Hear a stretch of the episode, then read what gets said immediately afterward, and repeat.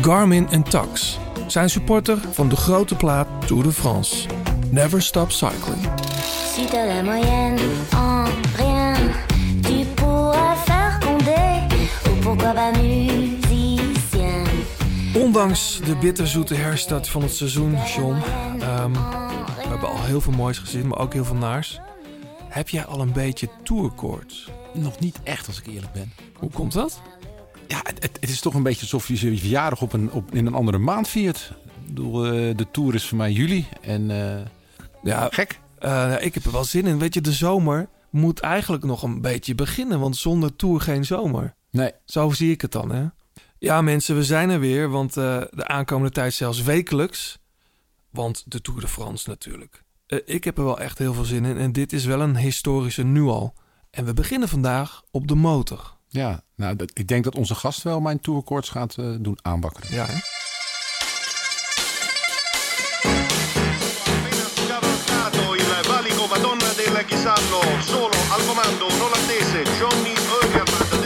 Dat is de liefde.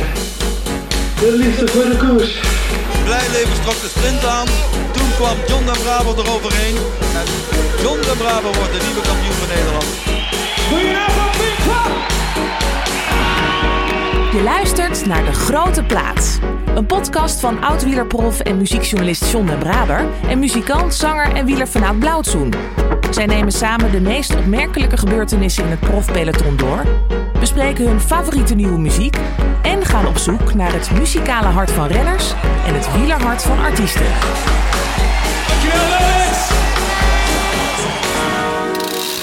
John, buiten ons gerekend, eh, vandaag geen renner, oud profrenner of artiest in de studio. Nou ja, artiest misschien ook wel een beetje. Eh, jarenlang zit hij voor de NOS op de motor tijdens eh, NOS Radio Tour de France.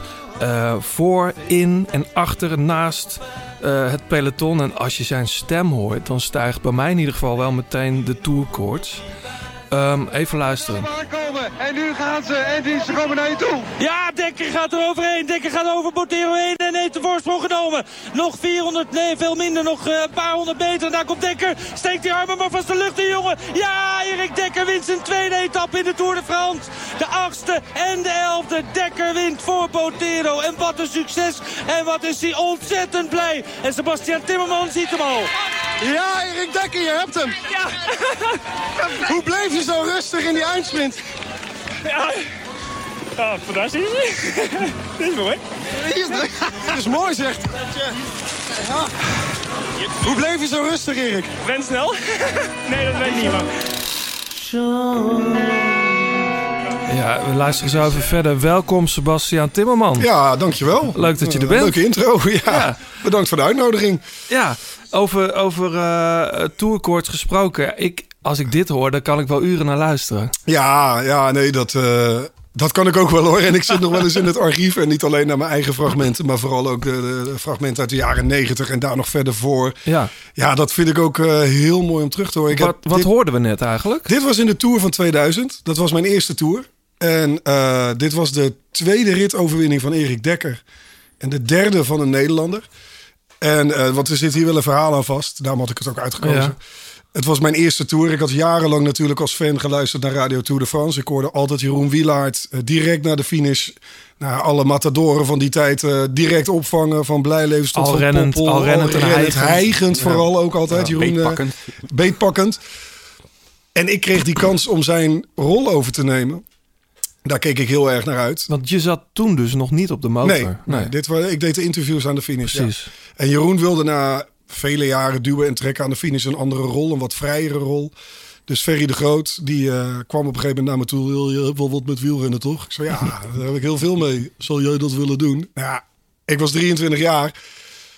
Dan, ik had denk ik een tiende van een seconde nodig om het ja uit te roepen. Dus zo kwam ik in de Tour terecht. En ehm, eh, nou, op een gegeven moment rit 5, 6, zoiets. Vrij vroeg in de Tour in ieder geval. Grote kopgroep weg. Leon van Bon zat mee.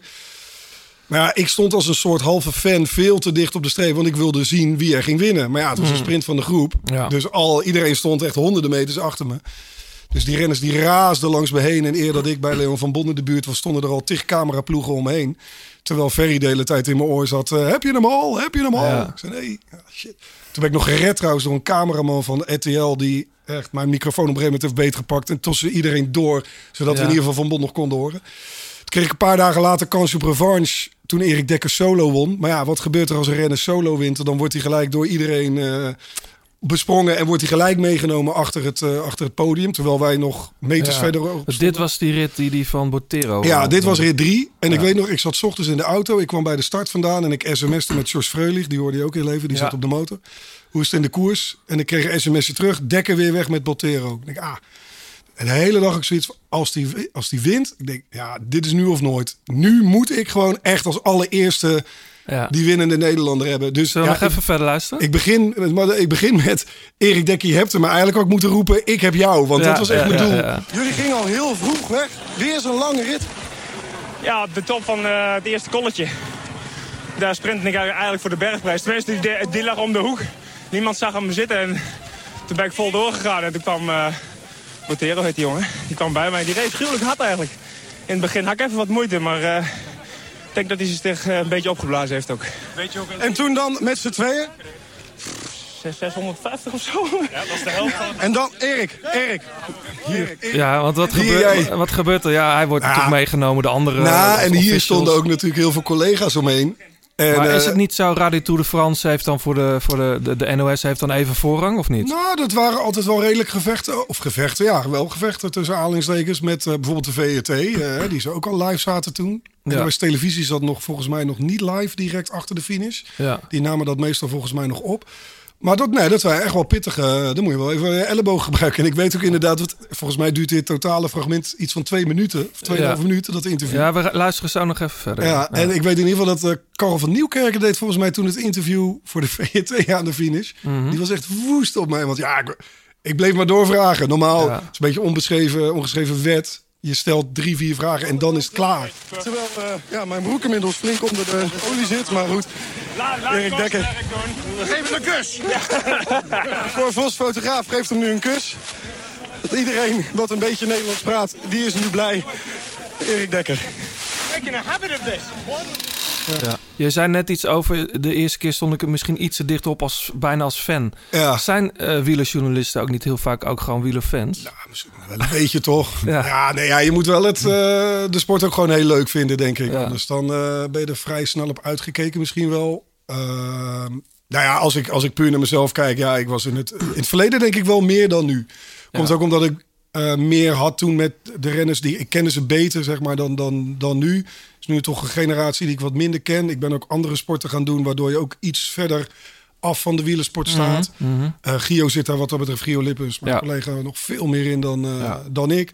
Eh, dus, maar ja, het was in die tijd in ieder geval wel het geval. Ja. Ja. Ja.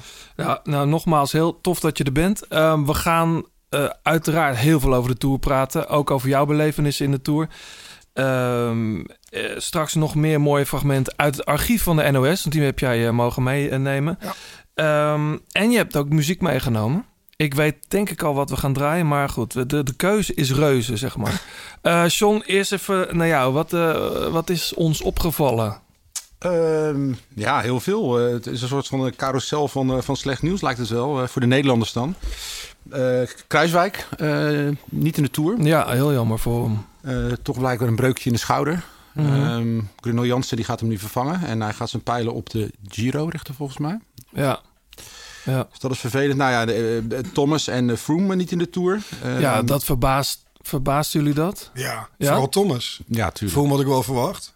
Maar, Thomas had ik, eh, die had ik niet zien aankomen. maar Froome heb ik nog wel zien werken in de Dauphiné. Maar Thomas, die was eh, heel snel eh, altijd weg. Ja, ja, maar toch had ik bij Froome zoiets- altijd wel het gevoel van... die gaat alleen als hij echt voelt dat hij die Tour voor de vijfde keer kan winnen. Dat is zo'n doel voor hem natuurlijk. Ja. Is maar ja, het, ja, Thomas is dus blijkbaar ook niet goed genoeg. Of misschien zien ze hem in hem ook niet inderdaad die knecht. Zijn ze bang dat hij toch te veel voor eigen kansen... Ja, of hij gaat weg, dat kan ook Of, nog. ja. ja. Zou het niet gewoon kunnen zijn dat hij net niet goed genoeg is om de Tour te winnen? Nog een keer. Ja. En misschien daar misschien zelf wel de keuze heeft gemaakt. Ik, ik ga de Giro wel doen. ja. Misschien dat kan ook. Of misschien zijn ze wel een beetje angstig geworden toch voor het hele goede rijden van, eh, van Jumbo-Visma. hè. Dat ze gaan natuurlijk wel, nou ja, die hebben natuurlijk wel meer dan een visitekaartje afgegeven in eh. Tour en in Dauphiné. Ja, zeker. Die zijn echt heel goed. Ja. Ik, ik dacht ook, is het niet een beetje a-collegiaal richting Bernal? Zijn de, eh, hebben Thomas en Froome, zijn die niet net iets te groot om echt serieus te knechten voor, voor zo'n jong broekje uit Colombia? Nou ja, kijk, ze hebben bij, bij, bij Ineos en eh, ja, vroeger nou bij Sky hebben ze natuurlijk altijd wel een schaduwkopman gehad. Weet je, dat was toen met, met, met toen Wiggins won, dat ineens Froome daar stond. eh, Thomas, Ja. dat was ook niet de aangewezen man. Dus ik vind het best wel link. Als je nu met Bernal en dan een Carapaz, als ik dat zo hoor, wordt eigenlijk gewoon, eh, gewoon een knecht. Ja. Dus, Ja. dus ja, als wat met Bernal gebeurt, ja, dan eh, hebben ze niks. Dus ik, eh, ik Sivakov nog? ja, maar die gaat niet, die gaat die niet winnen. Nee, drie weken lang niet. Ik ben wel heel benieuwd naar Carapaz trouwens hoor. Ja. Of, of die niet, eh, nou ja, dan misschien toch stiekem tussen aanhalingstekens op een gegeven moment meer aan zijn eigen kansen gaat denken. Ik Je bedoel, weet ja, het is wel niet, de hè? Giro-winnaar van vorig jaar. Zeker. Eh, eh, die heeft wel wat, al wat op zijn palmarès staan natuurlijk. Ja. Hey, jongens, nog even iets anders. Er is natuurlijk al heel veel over gesproken. Maar we gaan het toch nog er even over hebben. Want wij zijn de laatste keer dat wij opnamen was met Bram Tankink. Dat was, toen moest het seizoen nog beginnen. Wat ik al zei voor de show. Het is een beetje een bitterzoet begin geweest eigenlijk.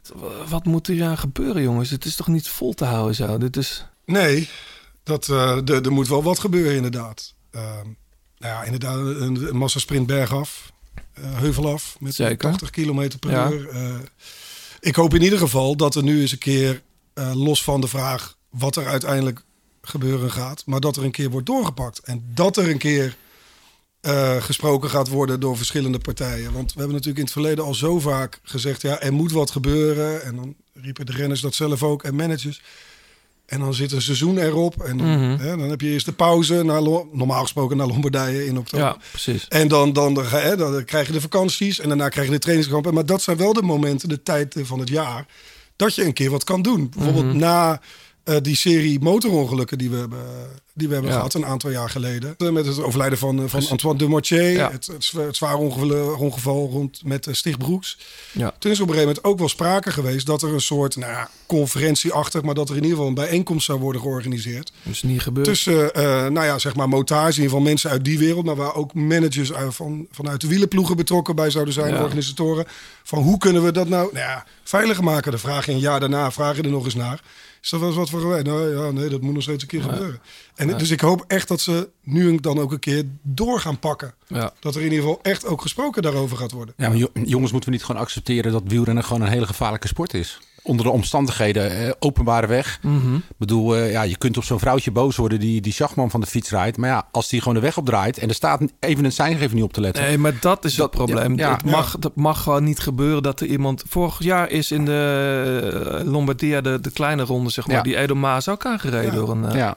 ja, maar ja, andere gevallen, weet je, we hebben het nu natuurlijk over, over, over die spurt eh, 80 kilometer per uur bergaf.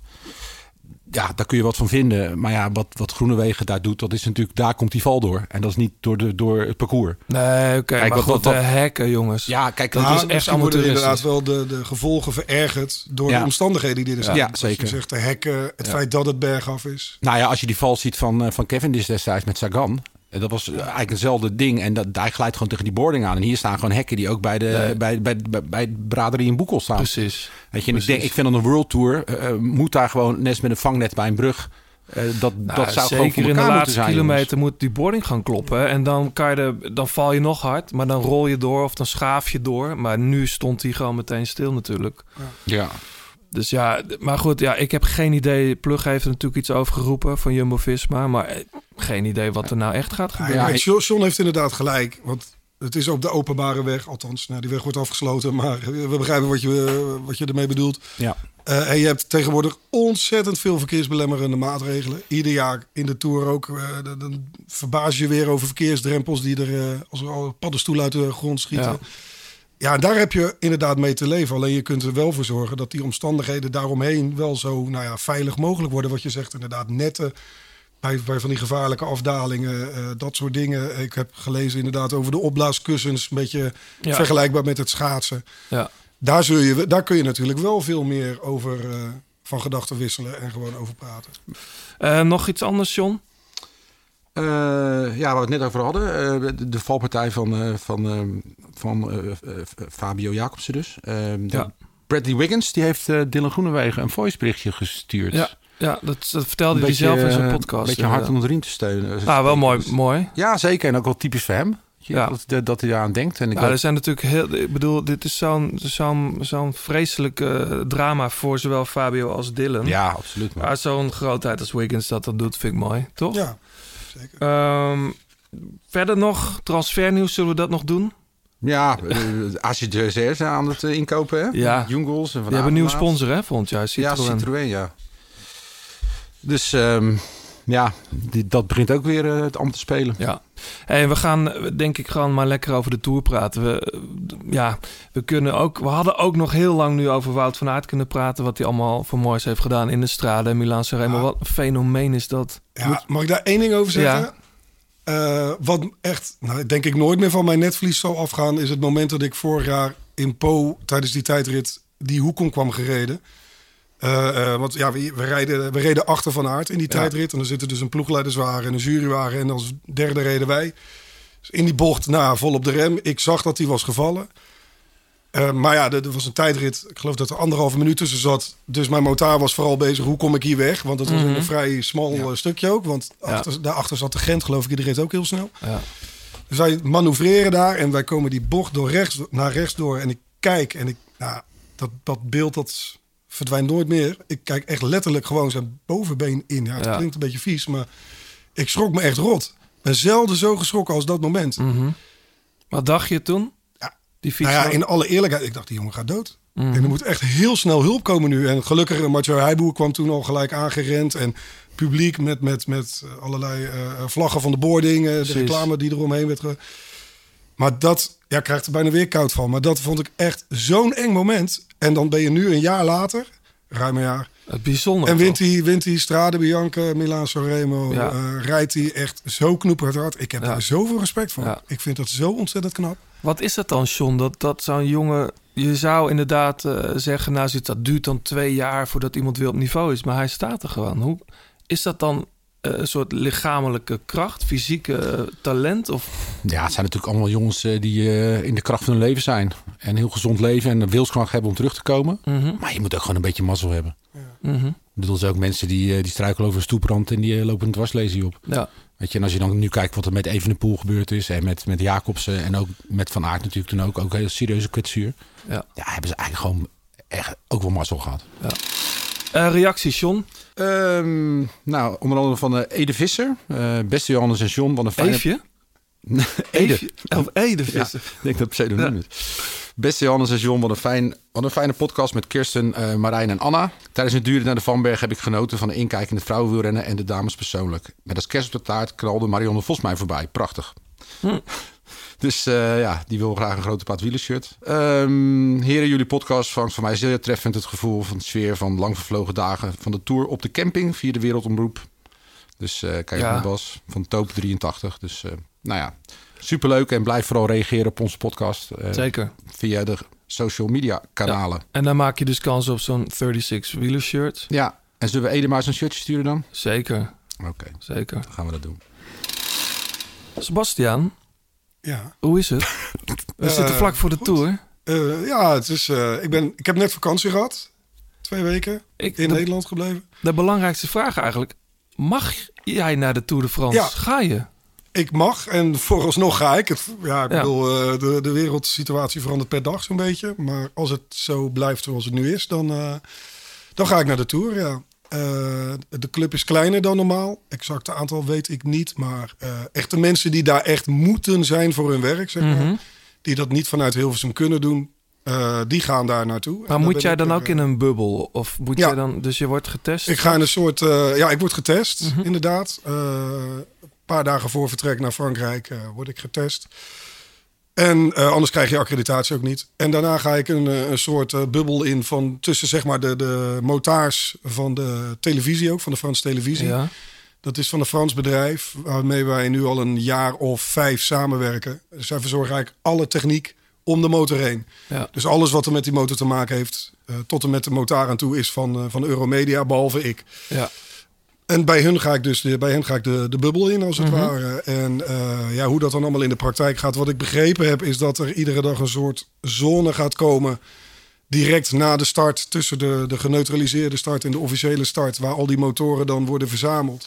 Ja. En daar gaan wij als het ware de, de koersbubbel in. En vanaf dat moment mogen wij de koersbubbel ook niet meer uit. Tot het moment dat de finish eh, Ja. er is. En, eh, Hoe zit het met hotels dan? Ehm, nou, die worden gewoon door Euromedia, de, door dat Franse bedrijf, zijn die geregeld. Eh, dus daar, we gaan zeg maar bij de finish gaan we de koersbubbel weer uit. En eh, nou, dan eh, tot de volgende ochtend zitten we weer in onze, in onze eigen kleine bubbel.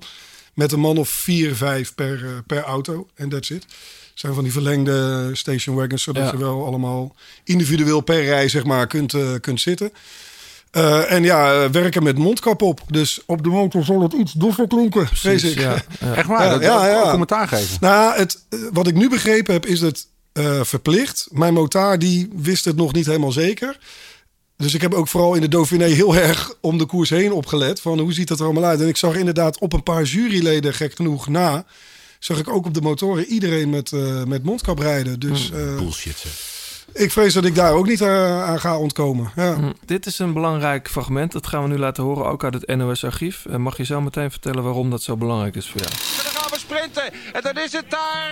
Even kijken, wie is dat? Eh, Johan Museeuw. Johan Museeuw. Daar in derde positie zit uh, Abdou. Erik Sabel zien we erbij. Svorada zien we erbij. En daar komt hij. Abdou Shaparov. Die gaat daar eh, voorbij. Cipollini. Het wordt het gevecht tussen Abdou Shaparov en...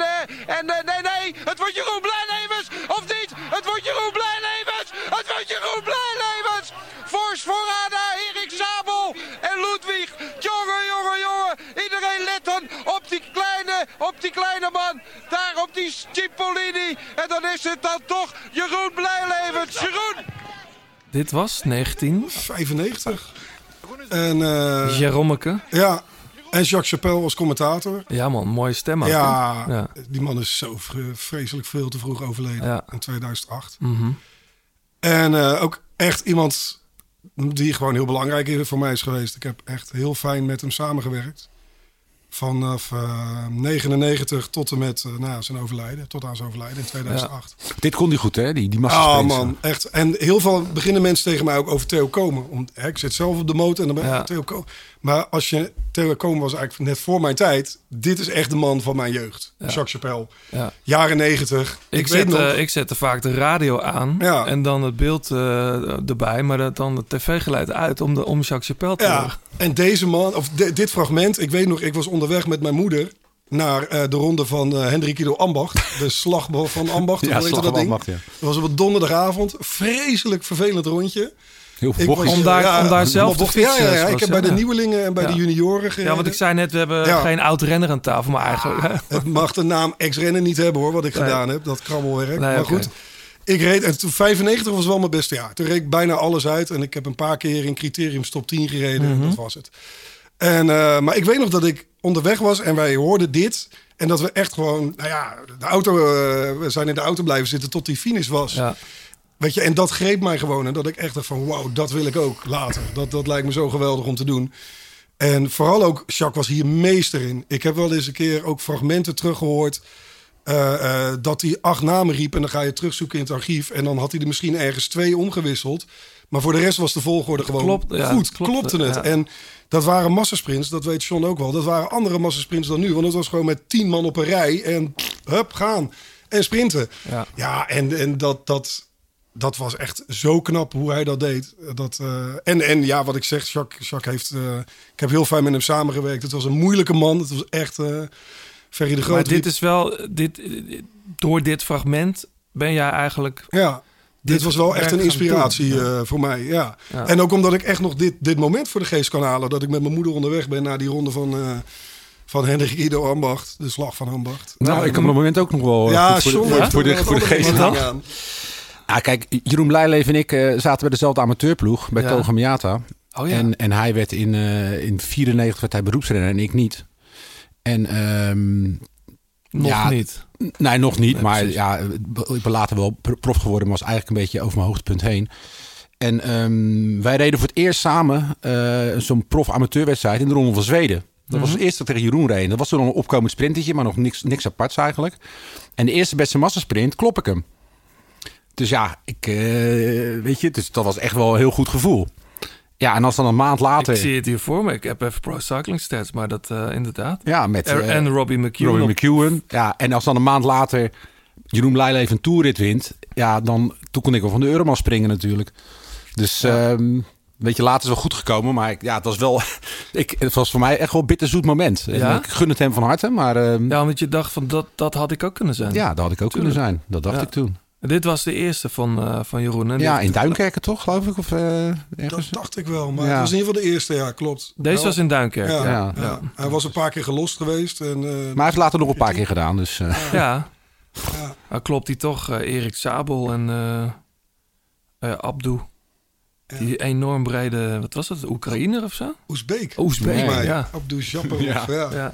Hey, maar, maar merk jij, Sebastian, eh, je had het net over, over, over Chapelle, je, je mentor. Ja, ja, was wel Is er nog iets van, van hem wat jij nu hebt geïncorporeerd in jouw manier van verslaggeven? Ja, ja, ja. Ik denk het wel. Eh, ik hoor ook wel Jij eens van mensen behoorlijk van, enthousiast eh, zijn op de motor Ja, ja, ja, nee, maar ik hoor ook wel eens van mensen. Ah, eh, een beetje Jacques.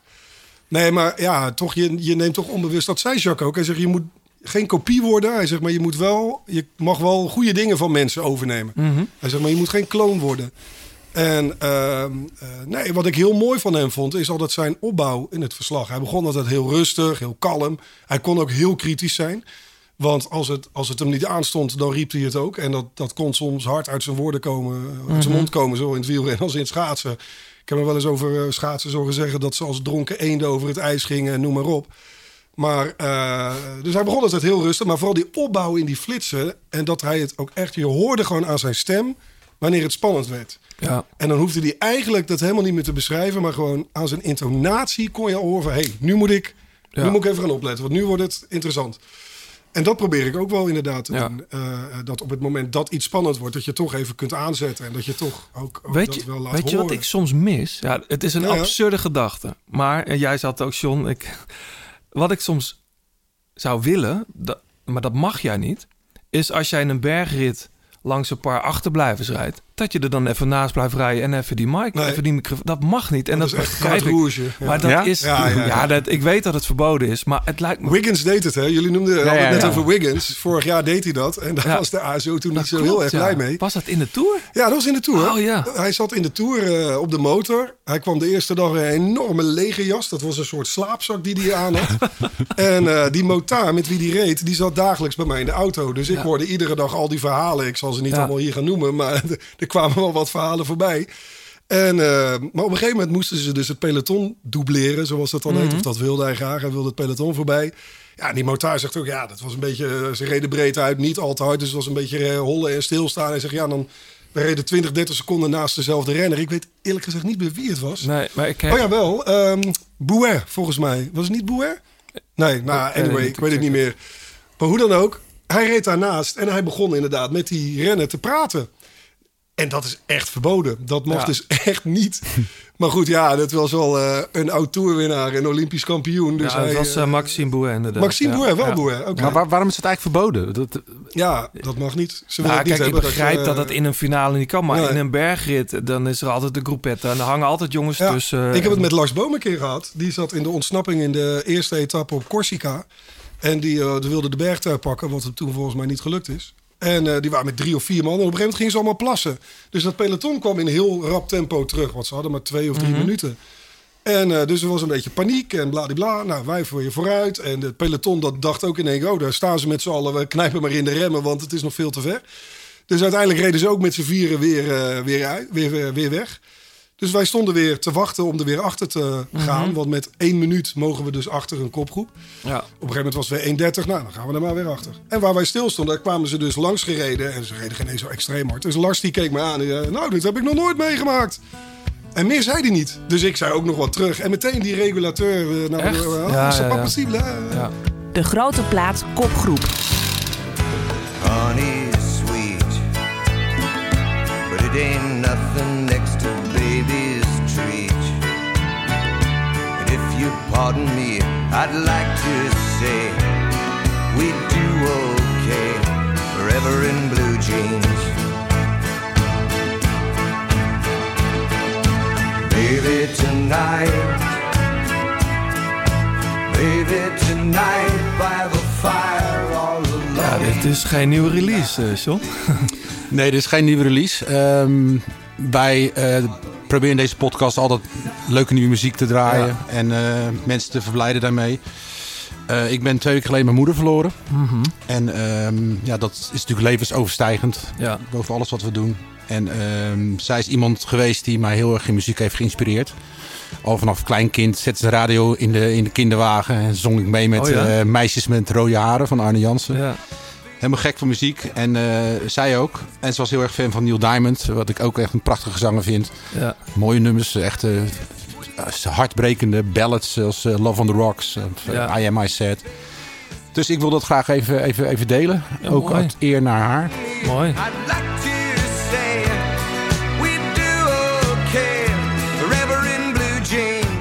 Maar heb jij echt muziek met, van haar meegekregen? Je liefde voor muziek? Ja, wel gedeeltelijk wel, ja.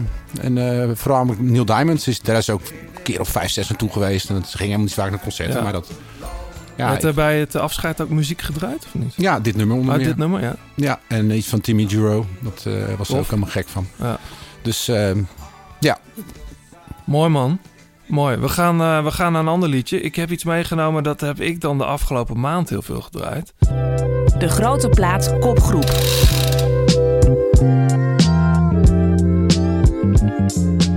Eh, we hadden het net over tourkoorts. En de tour vindt natuurlijk plaats in september. Het is bijna herfst. Ehm, maar het is toch ook echt, als de tour begint, is het zomer, toch, Sebastian? Ja, voor mij ook. Uh, uh, hiking in the sun, the happiness that you mourn. You know the kids still dance, so we supply all the songs. If I'm wrong, you hit the Superman like Soldier at war. You grew your hair an inch longer for the clerk at the store. Growing up, man, Pokemon's a book bag. Can't you believe it if the panties never soak in? You said Jesus made sense to the chosen. If I'm wrong, the Ja, dit is echt voor in de auto lekker, jongen. Zonnetje erbij. Als je straks, eh, Sebastian, even tijd hebt. Jij, jij kan natuurlijk op de motor geen muziek luisteren. Maar Nee, dit is wel een dat heb ik een paar jaar gedaan. En toen deden we alles met de motor. Dus Ja. ook alle verplaatsingen. En dan had ik oordopjes bij me. En dan zette ik mijn Ja. iPodje aan. Tegenwoordig doen we dat met de auto. Twisting in the cup while the sunrise. Sticky like the rain in the summer. Twilight in the blunt and I'm gone flying. Way up, high with a kite stream away. Cloudy in my truck, sitting down high. I know I'm gonna see the golden light of day. Oh, The power you giving me, the crack of dawn, sweet cheer to the clip wind. The planes flying, we the youngest in the stampede. To climb the slippy slope, but they Het is eh, Reggie Snow en eh, MF Doom doet mee. Bekende eh, grootheid natuurlijk in de hip-hop. ja, Maar heel zomers liedje. ja. Echt zo'n West Coast vibe ook, hè? Ja, fijn toch? Ja, lekker. Ja. Met je Snoop Dogg achter. Sticky like the rain in the summer. Je luistert nog steeds naar de grote plaat. En Sebastian, eh, wij, eh, wij worden onder andere onder meer gesponsord door Artivelo. Dat zijn prachtige fietsophangsystemen. En we mogen onze gasten ook altijd eentje eh, geven. Die hebben we niet bij ons. Maar ik weet niet of jij ergens een racefiets hebt staan of hangen. Drie. Je hebt er drie. nou, dat kan er vast. Dat is wat veel, drie. hè? Eh, het zijn hele toffe bike dogs, zo heet het. En ehm, zien er heel fraai uit. Zijn ook super handig, want je kan ook je helm en je schoenen en de hele shabam eraan ophangen. Eh, als je nou zelf als luisteraar even wil checken hoe dat eruit ziet, dat is artivelo.com slash Nederlands. En eh, nou Sebastian, wij, eh, je mag er een gaan uitzoeken. Je luistert nog steeds naar De Grote Plaat. Heb je tips of heb je een vraag? Laat het dan weten via Twitter, het Grote Plaat of Instagram. En laat een reactie en een beoordeling achter op Apple Podcast. De Tour de France 2020, het gaat toch echt beginnen? Ik had, eh, ja, had jij er nog eh, hoop op? Nee. Of ja, wel hoop op. Ja, ik had wel- het niet zien aankomen. Nee, Eh, ik dacht echt van... Wij nou, wel, hè? Met de roze bril. Wij hebben een hebben uitzending nooit gemaakt. getwijfeld. Nee. Klopt. Nou ja, ja. ik, ik dacht dat dat kan gewoon niet. En eh, Nee. ja, ik, eh, we gaan beginnen, maar of die gaat eindigen, of we Parijs gaat halen, gaan halen, of dat ze op een gegeven moment bijvoorbeeld zeggen we gaan stoppen bovenop eh, La Planche de Belleville op de laatste zaterdag, wat me heel waarschijnlijk lijkt. Mhm. Eh, ik, ik weet het niet hoe het allemaal Nee. gaat lopen, maar ik denk dat het Dat wel... kan toch bijna niet? Nou ja, bedoel, Ja, als- ik, zoals het nu is, is Parijs is een, een, een, eh, gem- gemarkeerd als een rood gebied, rode regio. Dus dat, waarom zou je nu per se willen eindigen in Parijs? Je wil Ja. zo weinig mogelijk publiek erbij hebben. Hè? Je wil Ja. de risico's uit de weg gaan. Waarom zou je dan toch per se naar, die, naar Parijs toe willen? Ja, voor die, prestige. voor die- ja, dat is het, ja. ja. Voor die, voor, maar het is al prestigieus genoeg dat hij überhaupt doorgaat. Dus Dat Precies. is al knap. Dus ja, Zullen we het over de, over de mannen aan de, aan de start hebben? Ja. Ehm, wordt, het, wordt het echt Bernal versus Roglic? Gaan we daarvan uit? Nou, ik, Of, ik denk dat, dat ze allebei wel, wel contenders gaan zijn. Mhm. Maar ik denk dat er nog wat andere mensen bij gaan komen. ja? Dus noem eens iemand. Nou, ja, ik denk toch... Ja, ik weet niet, Dumoulin, eh, die... eh, misschien Rolex zal de kopman zijn. Maar ja, weet je... is, is Roglic is wel echt super goed in vorm, hè? maar iets te vroeg. ja, misschien is het te vroeg wel. Ja, dat zou kunnen. We hebben wel eerder gezien dat hij in de derde week moeite had.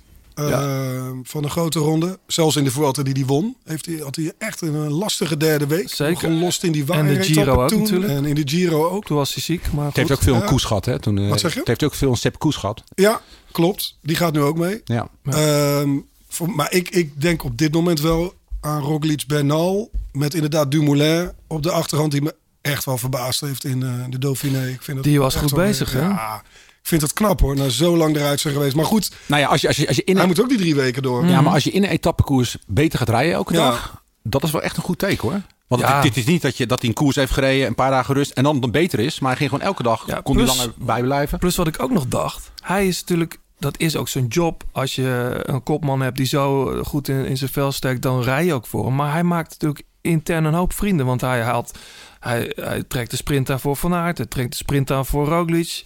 Eh, mocht Dumoulin straks in de Tour echt eh, gelijk aan Roglic zijn of iets be- beter zijn, ja, dan gaat Roglic ook voor Dumoulin moeten rijden. Dat, dat, dat, zou, dat was een knap staaltje, zeg. Dat hij die rit won, de won jongen van, van Quickstep. Maar reed Dumoulin, die trok hem aan en die hield gewoon zijn benen stil. Ja. En die reed ook 500 meter op kop, maar er kwam gewoon niemand overheen. Dus Nee. Mollema moest lossen zelfs. Was dat die Almeida? Ja, volgens mij Ja, dat is goeie- Ja, dat was een is hele rare aankomst. Want je zag de finishlijn Ja, niet op beeld. nee. Dus Je zag allemaal sprintende renners. Wel. Maar inderdaad, nee, maar ik vind het heel knap. Ik vind het heel knap hoe die rijdt. En je ziet, of die- ja, je ziet gewoon, ik kijk er vanaf een afstand naar. Maar ik heb toch wel de indruk dat hij zich heel erg thuis voelt in die ploeg. Mhm. En dat, dat wilde hij natuurlijk ook. Hij wilde een omgeving waar hij niet meer de enige man is, de enige kopman. En waar alle druk op de schouders komt te liggen. Ja, en dat is hij nu. Dus wat dat Ja. betreft, daar kan hij alleen maar goed onder gedijen. Ja. Maar ben wat, heel benieuwd hoe hij eh, die drie weken wat een machine, hè, Jumbo-Visma momenteel. Ja, dat is wel nu een hik in natuurlijk. Met het uitvallen Nou, ik had eh, toen, van toen, Kruiswijk. toen inderdaad Mhm. Kruiswijk eh, uitgevallen als een Roglic niet meer startte. Toen zet ik tv aan en dacht, ach, de, de wind koest toch. Want ja, die, die reed ook met zijn mond dicht omhoog heel de week al. makkelijk, hè? Nou, hij, hij rijdt rond alsof hij lacht. Hij heeft een soort... Ja, Hij, ook, dan, dan zie je hem echt sterven, maar hij lacht. Weet Ja. je wel? Dat is een hele grappige... echt goed rennetje hoor. En Ik, ik weet trouwens niet eens waar die vandaan kwam. Of voor de, Colorado. ja, Oh, maar voor, voor de, de ploeg die, eh, voordat hij naar, eh, naar, naar, naar Gewoon Jumbo ging. Amerikaans, volgens mij. Volgens mij Ja, heeft dat hij dacht ik niet, ook. eh, volgens mij heeft hij niet bij een Europese ploeg En ik ben al gek geïntrigeerd van hoe komen ze bij zo'n jongen? Wie heeft dat ge- gedaan? Wie heeft dat getipt? Weet je, wie heeft dat gescout? Weet je, dat Ja. vind ik dan interessant. Ja, moet ik vorig dadelijk jaar, even mijn documenten vorig jaar, Ja. vorig jaar reed hij- was- won hij natuurlijk ook prachtig nog die Vuelta-rit. En dan ging hij high-fivend langs het publiek, weet je nog? Ja, toen voelde zich nog schuldig, hè? Dat hij niet voor Roglic had kunnen rijden die dag. Maar goed, eh, even, even Dumoulin-Roglic dan. Ehm, hoe, hoe gaan ze dat precies, precies doen, hè? Ja, dat is de, dat, is de, dat is de million dollar question. Ja, want eerst dachten we ook nog van de jongens van Ineos... die zullen wel een planning anders hebben dan, eh, dan de, bij Jumbo-Visma. Ja. Maar ja, dat blijkt dat die gewoon niet goed zijn. Nee. En het is ook een unieke situatie waar, waar je vandaan komt. Er is gewoon nooit, eh, maanden niet gekoerst. Nee. Ja, wat ik me afvroeg, maar dat weet jij beter, John. Kijk, ik, het leek erop alsof Roglic echt al in topvorm is. Ja. Die, die etappe naar Col de Laporte, ik zag op Twitter mensen die hadden berekend dat ze daar 6,2 watt per kilogram trapten. Nou, dan zit je eigenlijk op je top. Ja. Dat kan haast niet beter, kan iets beter misschien. ja, maar de Tour is niet over twee maanden. Hè? Die is gewoon volgende week al. Ja, Dus- maar dus de het derde het is week is, de derde week Ja, is. eh, Maar ik denk dat je vooral die eerste week goed moet zijn. Ja, Als dit is ik- wel een tour waarin je vanaf Ja. het begin gelijk mee moet zitten. Ja, je, je kan, je Mhm. kan er niet ingroeien. De Nee. tweede Nee. dag ga je al eh, de Col op. Ja, aan de vierde geloof ik is de eerste eh, aankomstberg op. Ja. Dus dit moet wel. Dus ja, de- hey, of ze het volgen naar. En ook, hè, het is september. Het kan ook gewoon heel slecht weer worden. Het kan ook eh, de tour van de vallende bladeren worden. ja. Dat weet je niet. Nee. Dat hele warme weer is er niet. Dus dan gaan er misschien ook andere renners op staan, wellicht. Ja, noem eens, noem eens. We hebben een aantal namen nog niet genoemd. hè. Boegman is ook hard gevallen. Maar hoe die daar de e- voor zijn val rondreed, dacht ik, die is, eh, die is wel op koers. Ga je er weer een wijntje op zetten? Eh, Nou ja, ik heb vorig jaar een wijntje inderdaad. Toen had ik hem als vierde voorspeld. Ja, top vijf. Ja. ja. Eh, Sterke ploeg trouwens ook. Ja, die ja, zijn echt... Die rijden echt goed. Maar alleen zonder Schachman. Die Ja. rijdt definitief niet, helaas. Eh Pogacar, zeg het zo goed? Hoe spreek jij het uit? Ja, ook zo. Ja, eh, toch? Tadej Pogacar. Ehm, doet hij al mee om het podium, denk je? Nou, niet echt nog volgens mij. Een beetje outsider, ja. Een beetje outsider. Ik vond hem in de Dauphiné niet echt overtuigend. Nee. Nee. Ik ben wel heel benieuwd naar Pinot. Ja. Thibaut Pinot. Die gun ik Eh, het zo. Nou, ik ook. Ja. Vanwege vorig jaar dat, dat huilend uitvallen. Ja. Maar hij heeft natuurlijk wel altijd wat. Vorig jaar wil je je knie stoten aan je stuur. Zoiets was Ja, het. De finale is wel eh, in zijn achtertuin, hè? Dat is het. Ja. Deze hele tour is eigenlijk, of het einde van de tour is helemaal op hem ingericht. Want Ja. die Grand Colombier, die ze ook hebben in de laatste week, daar heeft hij in de Tour de Lens ook al twee keer gewonnen. Nu won Roglic daar in eh, de Tour de Lens. Ja. En inderdaad, die, die, die tijdrit naar eh Planche de Belleville, die start in de plek waar hij geboren is. Dan komen we door dat Mélisset, waar zijn vader nog steeds burgemeester is. Ja, Ja, en dat dan, is, eh, dus dat is, dat is zijn We finale. begrijpen nu waarom de Tour doorgaat. Ja, alles Ja. voor Pinot. Ja, maar het is natuurlijk wel iemand die altijd wat... Ja, en hij geeft, hij geeft in de Dauphiné ook weer weg, hè? Ja, Want op een onbegrijpelijk moment kan hij gewoon niet mee met, met, met vijf, zes man die wegrijden. Nee. En daarna rijdt hij heel de tijd op kop, dus slecht Mhm. is hij niet. Nee. En hij komt bijna nog terug zelfs. Als hij een paar bondgenoten had gehad, had hij- had hij er weer bijgekomen. Ja. Hey, toen, het, toen het wielerseizoen eh, begon, nog voor corona, tenminste voordat corona hier, eh, hier was, ehm, toen dacht ik zo, Quintana ja. Ja, ziet er scherp uit, nieuwe ploeg, die heeft er weer zin in. Ik vond hem de grote verliezer van, zeg maar, de, ja, door de coronacrisis. hij reed goed, man. Ja. Met, eh, in februari. En, ja die, eh, eh, die, die, vond die, veel. die rit naar de Van Toe. Maar, Ja, maar nee. Quintana die hoeft zich toch alleen maar, die kan toch gewoon meerijden en een, en op, en een keer uitpakken. Dan, Ja, hij heeft maar na corona, zeg maar, na de gedwongen pauze, heeft hij me nog niet eh, Dat klopt. weten te, dat klopt. te heeft hij nog niet weten te imponeren. Ik ben nog niet eh, Nee. heel erg onder de indruk van hem. Maar goed, dat kan nog, dat kan nog komen natuurlijk. Maar ja, hij heeft nu wel ook alle druk van die Franse ploeg natuurlijk op zijn schouders. Maar ik Ja. vond hem, wat ik zeg, ik vond februari, maart... Ja, hij straalde ook echt wat uit. Hernieuwde energie en zo. En het was echt een Quintana die we een tijd niet hadden gezien. Ja. Nou, en ik vond hem nu weer een beetje flats eigenlijk. eh, Ja. de Ja, een beetje volgen, hè? Ja, Hey, is het niet vreemd? Je had het eh, net over Mitchelton Scott. eh, heel even. Ik, ik begreep dat die gewoon voor dagprijzen Ja. gaat rijden. Terwijl Adam Yates gewoon aan de start staat. Dat is toch wat, wat, wat een Ja. vreemd verhaal. Maar Yates wil, eh, die wil eindelijk een keer een etappe winnen in een grote ronde. Hm. Dat heeft hij nog nooit Maar- gepresteerd, gerealiseerd. En eh, ja, Simon die gaat voor een andere ronde. Dus hij is alleen. En hij, ze richten zich inderdaad in eerste instantie op, eh, op dagsuccessen. ja. Dat deden ze vorig jaar eigenlijk ook al. Ja, toen pakten ze vier etappes. Ja. Wonnen ze Ja, vier etappes. Dat was echt een hele succesvolle tour toen voor die ploeg. Ja. Ja, dus dat wordt wel moeilijk, wel lastig te overtreffen. Een hele oude ploeg is trouwens. eh, ik heb ze vanochtend voorbereid. Ja. Is de enige twintiger in die ploeg. De rest is allemaal eh, ver boven de dertig. Ja. Dus, eh, Hey, jij had het net, Sebastian, over... Ja, stel, eh, weet je, misschien halen we Parijs wel niet... en stoppen we wel ergens halverwege of op Planche Belfier. Vorig jaar was dit aan de hand. Ja, en wij staan even stil. Ik sta mijn regenkleding aan te doen. Omdat het hier inderdaad begint te druppelen. Maar ik vraag me af of we dadelijk nog wel verder gaan. Want volgens mij heb ik gehoord, annulé. En ja, dan vraag ik me af of er wel een herstart gaat komen dadelijk van die eh, etappe. Maar we wachten de officiële mededelingen inderdaad van de koersradio maar af. Maar dit is toch wel eh, iets unieks. Want dat heb ik in eh, de afgelopen jaren nog niet eerder meegemaakt. De etappe dus stilgelegd vanwege enorme hagel en sneeuw op de weg naar de top van de Iseran. Ik luister nog even mee met de koersradio. Ja, ze herhalen het bericht voor de ploegleiders. Die eh, dat nog een keer willen doorgeven aan de renners. Dat zijn natuurlijk de ploegleiders van de renners die door willen rijden. Dat dus inderdaad de wedstrijd is stilgelegd. En dat de verschillen dus worden genomen op de top van de Iseran. Maar nog geen mededelingen of we verder gaan. En zo ja, eh, hoe laat. Voorlopig dus dat het inderdaad is stilgelegd. Vanwege de extreme weersomstandigheden in de Alpen. Ja.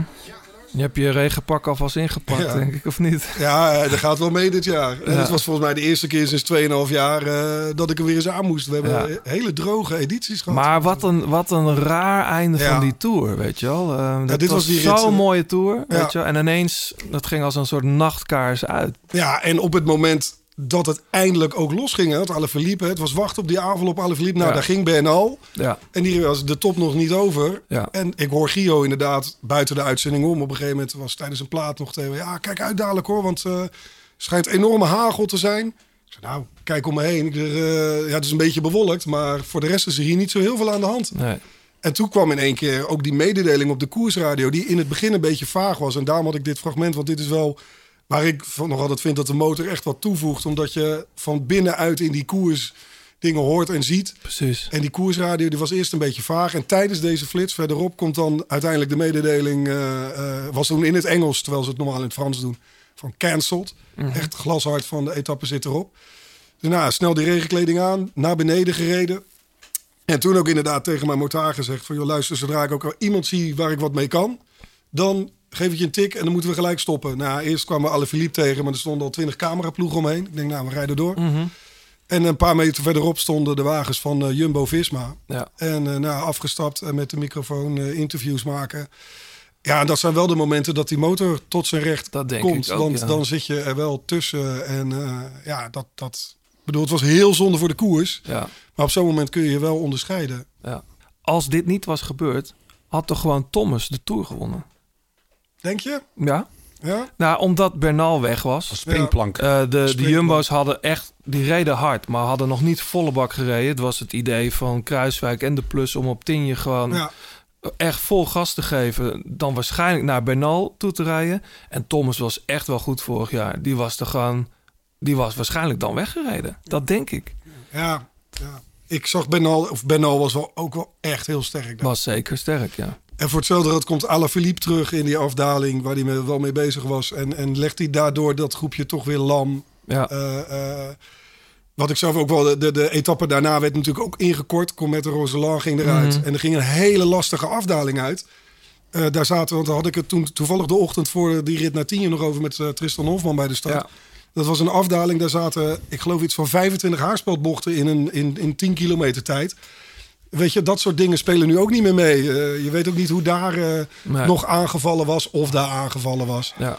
Maar ik, Bernal was wel ook heel sterk. Ja, hoor. zeker. Je weet het ook niet. We zullen het nooit Nee, we weten. maar goed, laten we hopen dat we dit keer wel Parijs halen. Op een normale manier in ieder geval. Eh, want vorig jaar zijn we wel in Parijs gefinished natuurlijk.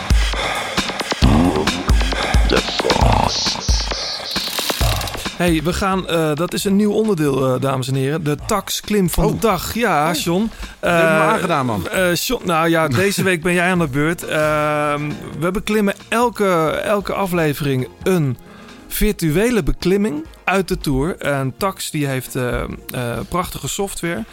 En dan kun je gewoon op je taxtrainer gaan zitten. En een call kiezen die straks in de Tour gereden wordt. En John, jij hebt gisteren denk ik de Col d'Aise gedaan. Col d'Aise.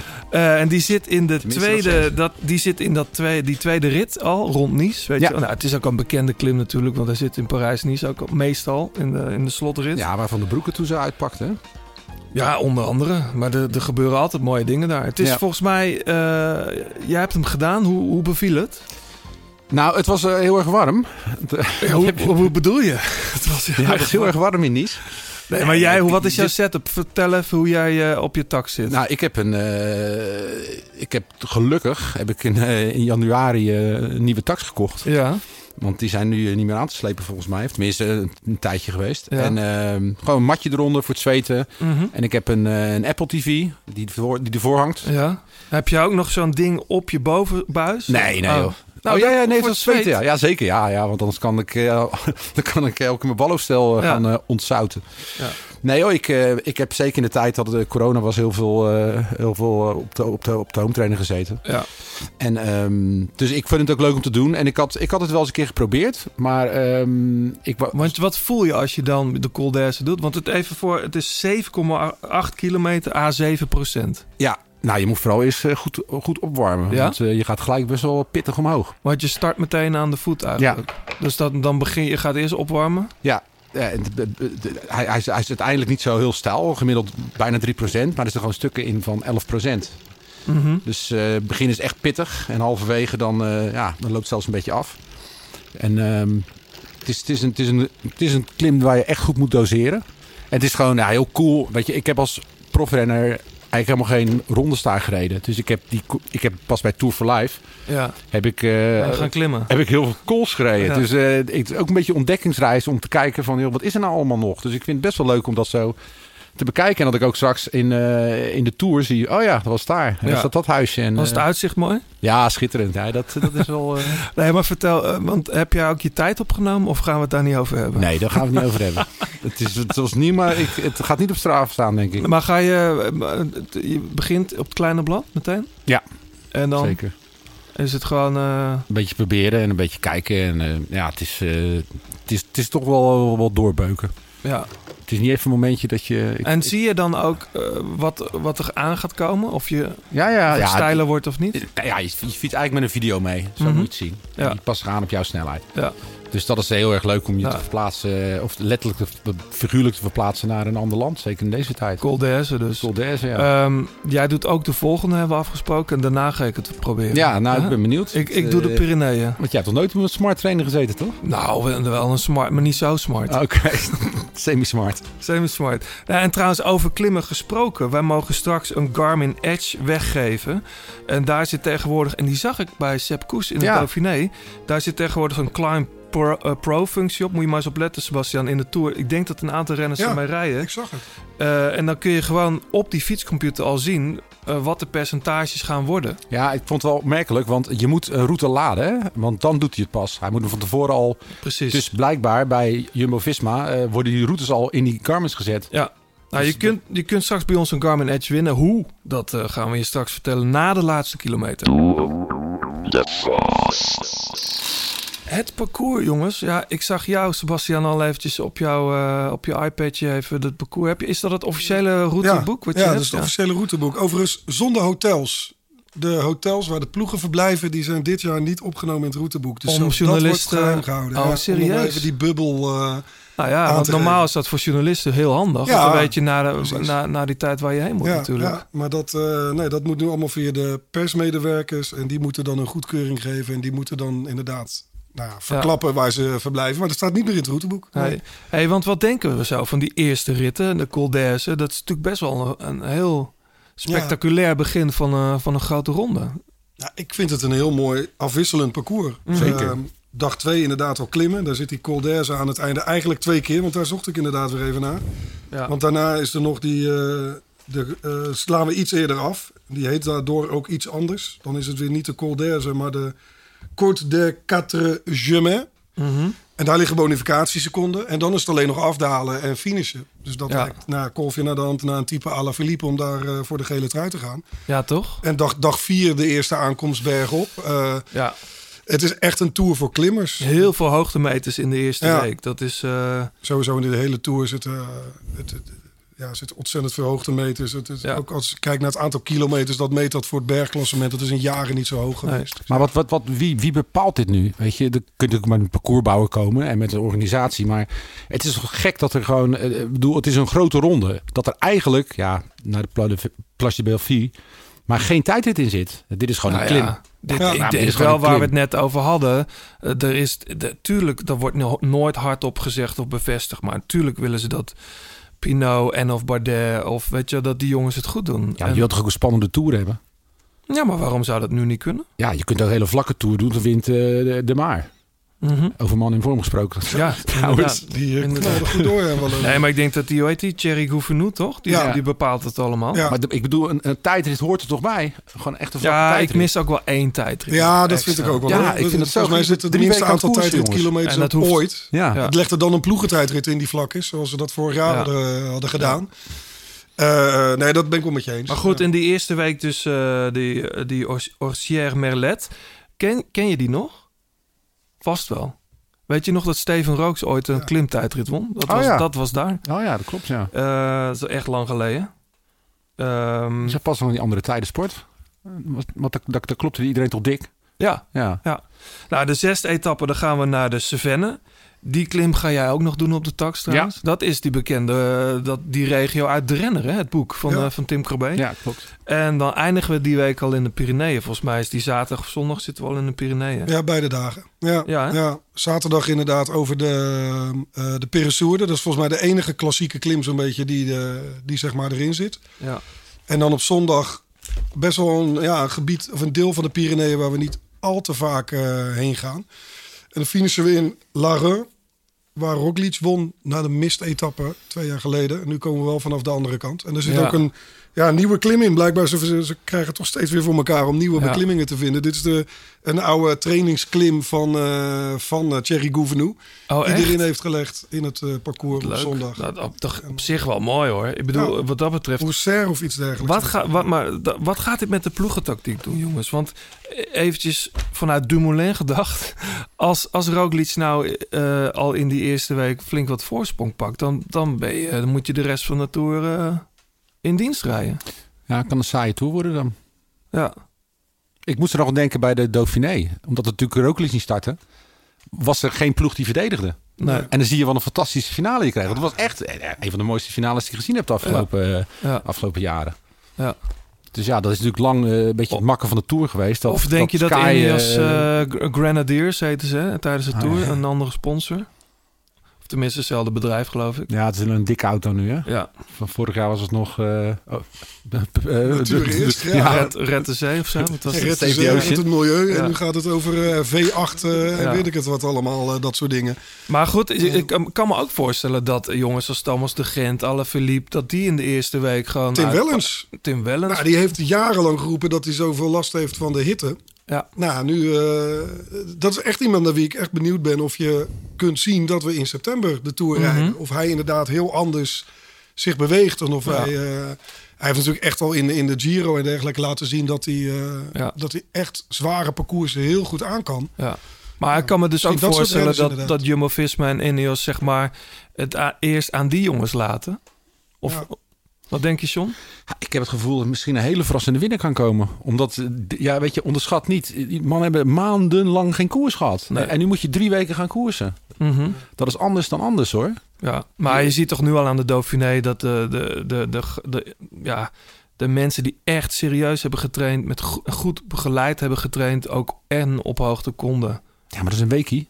Nou ja, nee, Het is- is- Jumbo-Visma is alweer op hoogte. hoor. Nee, maar het is straks drie weken koers achter elkaar. Ja, oké. Dat is, eh, weet je, de, de, dat, normaal, je hebt natuurlijk met drie grote rondes, maar dan heb je bijvoorbeeld nog een grote tappenkoers die bijna tien dagen duurt of zo.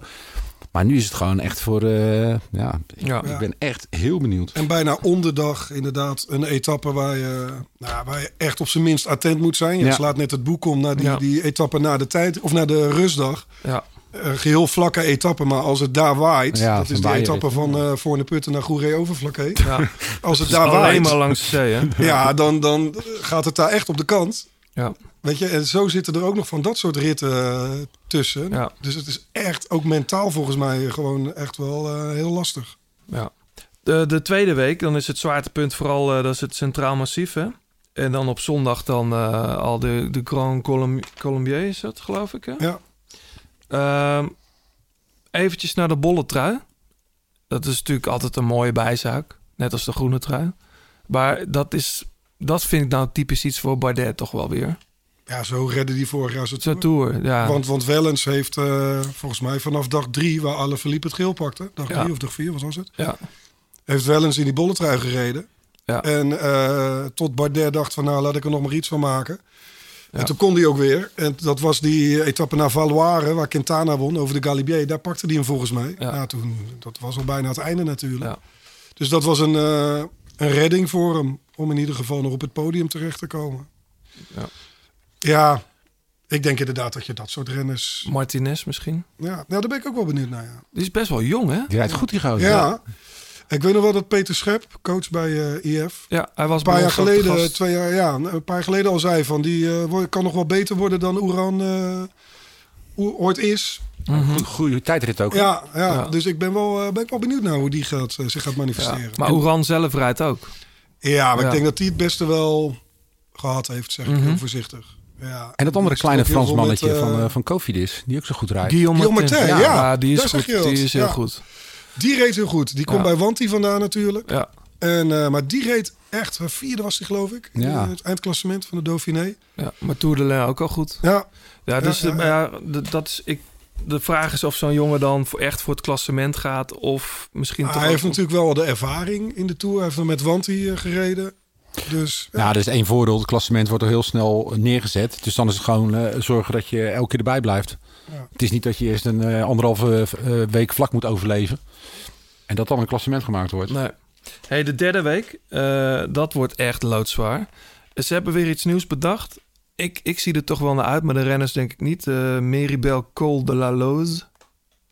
Eh, volgens Gouvenou moet dat vanaf nu de meest beroemde col uit de Tour de France gaan worden. Ja. Ze, ja, je rijdt tot een skistation, daar zou je kunnen stoppen. Maar dan gaan ze toch nog eh, een klein weggetje het bos in. En dat schijnt wel echt een hel te zijn. De renners die het verkend hebben, die zeggen ook... ja, dat, dat, dat had niet gehoeven. Het gaat wel bergop, dus volgens mij is het heel veilig. Ehm, ja, wel smal weg. eh, maar heel smal, inderdaad. heel smal. Dan mag jij dan, geitenpad, mag jij dan omhoog? Weet je dat nu Ja, al? ja dat, dat mag wel. Maar ze zijn inderdaad, wanneer die weg zo smal is, zijn ze wel wat. eh, dan houden ze je wel wat verder weg. Dan duurt het wat langer voordat je de, de afgevallen renners voorbij mag en dergelijke. Dan Ja. wanneer, eh, wanneer de weg heel breed Is is. het wel inderdaad. verhard eigenlijk daar? Ja, ja, ja, het is verhard. Ze Ja, hebben de laatste zes kilometer volgens mij was een geitenpad. Ja. En dat hebben ze vorig jaar, meen ik, hebben ze dat. eh Oh, wacht. Ja, ik heb beelden gezien. Dat is trouwens Ja. prachtig asfalt. Ik heb het gezien. Ja. Dat is, en eh, volgens mij zijn ze van plan eh, om ook de afdaling te gaan verharden. Of daar las ik in ieder geval laatst. Het moet echt een bergpas ook worden. Ja. De hoogste bergpas een beetje van, ja, van Frankrijk Ja, ik. ze Ik heb er komen iets dan over op eh, gelezen. 2304 meter. Ja. Ja. ja, dat is hoog. Leuk man. Ja, ik heb er wel zin in. Hoogste punt. Ik heb er wel zin in. Eh, we belangrijke gaan... dag voor, die, voor je had het net over die bergtrui. Een belangrijke dag voor de renners die daarvoor rijden. Dat is de enige dag dat de punten worden verdubbeld voor die bergprijs. Omdat het het dak van de Tour is, ja. Zat trouwens net, net te denken, zijn er eens renners die jouw motor proberen beter te pakken? Als je bijvoorbeeld van achteren zit en dat je daar dat ze even een stukje eraan willen hangen. Ja, dat gebeurt wel eens. Ja. Ja, ja, ja, ja. Nee, dat eh, heb ik wel eens meegemaakt hoor. Dat er in een, woep, een beetje zo'n baanaflossing, eh, zeg maar. eh. Een beetje de Bram Tankings van deze wereld. eh. nou, die heb ik dat nooit zien doen trouwens. Nee, niet. Ja, dat lijkt me echt zo'n gast die dat leuk Nee, ja. dat doet Bram niet. Ja, we hebben een keer meegemaakt. In de, toen zat ik in de auto. Ik heb ook nog een paar jaar in de auto in koers gezeten. Die is nu afgeschaft. Maar dan reed je achter het peloton. En, eh, Ja, dan las je de krant dat, eh, altijd of zo. Nee, dat deed Edwin Cornelissen. Oh, dat Cornelissen, ja, ja, oh, ja. ja. Nee, ik, eh, en dan moest je de... krant. ja, Ja, die zat altijd... Krantoverzicht. Is dat krantoverzicht? Ja, dat doen? daar wel lezen. nou, het was, op een gegeven moment was het wel inderdaad een rol die niet heel veel... Ik kan me herinneren dat jij op een gegeven moment ook nog wel een keer een app stuurde, John, van... eh, joh, ben je er nog? Want ja, je had soms vijf dagen dat je niet in de uitzending kwam. Dus mede daardoor is die rol op een gegeven moment ook afgeschaft.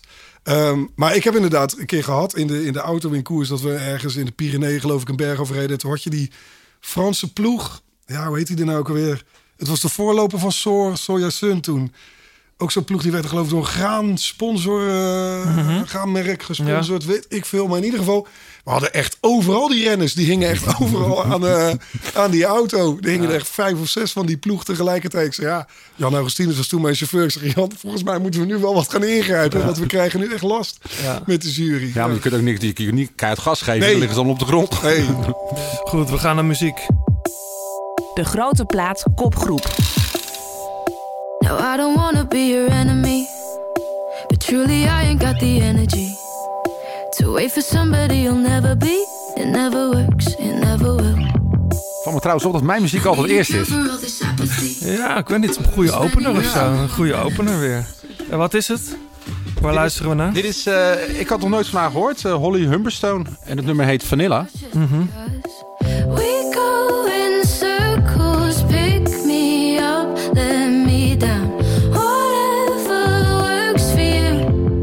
En ik eh, kwam het eigenlijk een beetje met eh, een beetje search op Spotify eh, kwam ik het tegen. Het is een Brits meisje. Ja.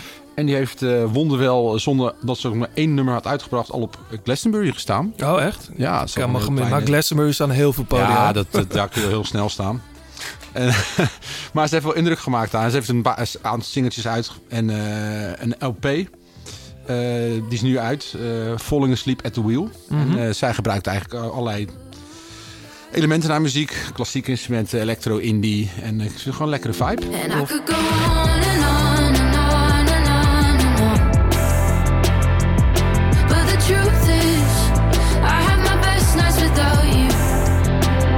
So tell me I'm wrong to think we're far from having fun. Tell me I'm wrong. You should know here goes.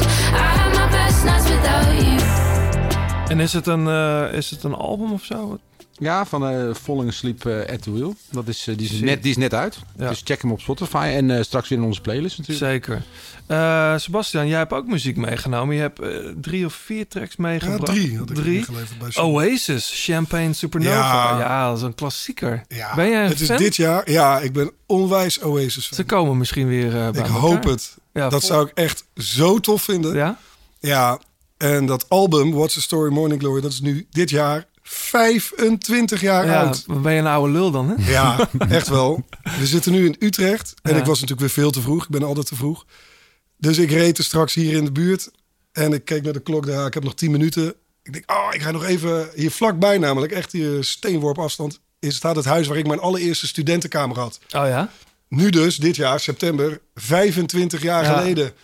En dat was geen succes, want ik kwam uit Abbenbroek. In, eh, en dat heeft er op zich niks mee te maken, maar wel dat ik gewoon uit een klein dorpje kwam. Ja. En nou ja, niet overbeschermd was opgevoed of wat dan ook. Maar ja, als je dan in één keer in Utrecht moet gaan wonen en je kunt nog geen ei bakken en je bent nog in staat om water aan te laten koken. Ja, dan is dat best wel een overgang. En eh, dus ik kwam hier in september 95 wonen. Op de Zweden van Zuilenweg. Ik ben er net nog even langs gereden. Niks veranderd, nog dat Mhm. hele huis niet. Ja, dat was zo'n harde leerschool voor mij. Dat ging ook helemaal niet goed. En dat ging op een gegeven moment ook ten koste van mijn studieprestaties. Dus Mhm. ik ben alweer een tijdje terug naar huis gegaan, bladibla. Maar dat was dus ook in oktober kwam toen What's the Story Morning Glory uit. En eh, Wonderwall was al uit. Die kenden we al. En Back in Anger misschien ook al wel als single. Dat weet ik eigenlijk geen eens. Denk het maar wel, dat, ja. dat album heeft mij echt door die tijd heen ja, getrokken. Maar als je daar nou nu, nu naar luistert, is dat dan ehm, jeugdsentiment of vind je het nog steeds ook echt heel goed? Beide. Ja, Ja, want dat het is je bij sommige jeugdsentiment. muziek uit, Ja. uit je jeugd. Dan denk je, oh, dat ik dat vroeger luisterde, weet je. Ja, dit is echt een album dat ik, als ik dit hoor, dat het echt denk, het wordt iedere keer beter. How many special people change? How many lives are living strange? Where were you while we were getting high? Slowly walking down the hall, faster than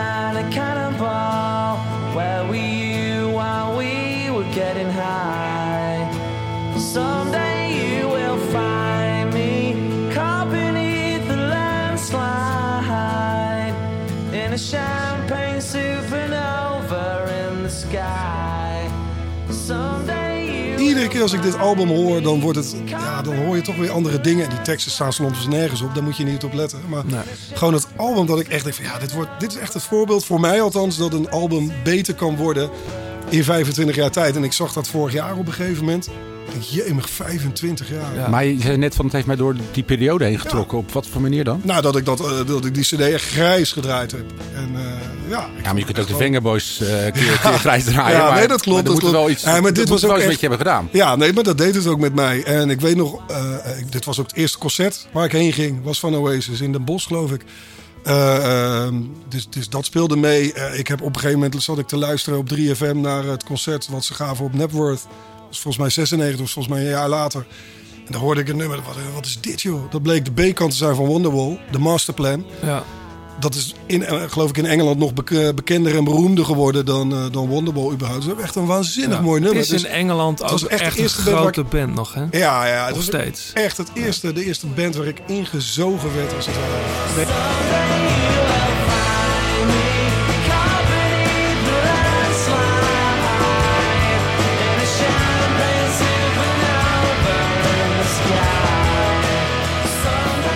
Een beetje Beatles, Stones toen, Ja. hè? Met, met Blur en Oasis. Klopt. Je was voor de een of voor de ander. Ja, nou, ik was echt wat dat betreft duidelijk voor Oasis hoor. Ja. En dit nummer gaat trouwens ook over het afsluiten van een periode en dat soort dingen. Dus, en weet je, 95 jaar, ik was in één keer klaar met mijn jeugd als het ware, met, met wielrennen. Dat hield toen ook op, Oh ja? want ik ging studeren. Ja. Nou, En hier je- in Utrecht heb je hele leuke studentenclubjes. Nee, dat klopt. Ja. Nu wel. Toen was dat niet zo. Ja. En ik kwam er ook heel snel achter dat er een heel ander leven bestond, behalve, Ja. behalve wielrennen. Met, Sebastian eh, maakt bewegingen van rokende en rokende, drinkende Ja. studenten. En ik heb daar een geweldige tijd gehad hoor. Ja. Dat was echt, dat zou ik zo weer over willen doen. Ja. Maar dit is, dit, dit is echt een kenmerkend nummer. Dus Ja. ook. Ik heb ook nog iets meegenomen. Two, three. Ears all stood up straight like I'm Pharaoh.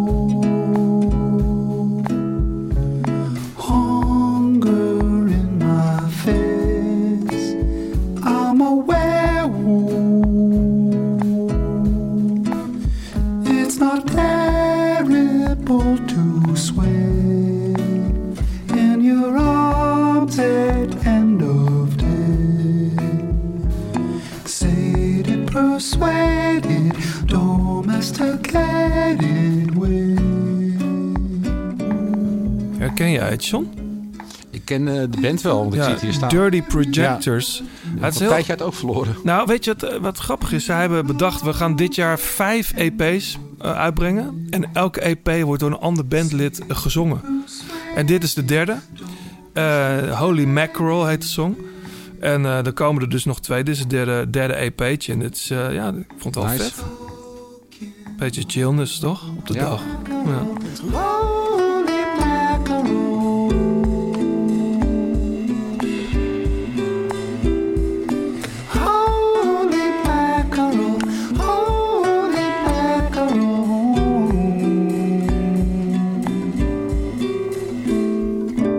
De grote plaat, laatste kilometer.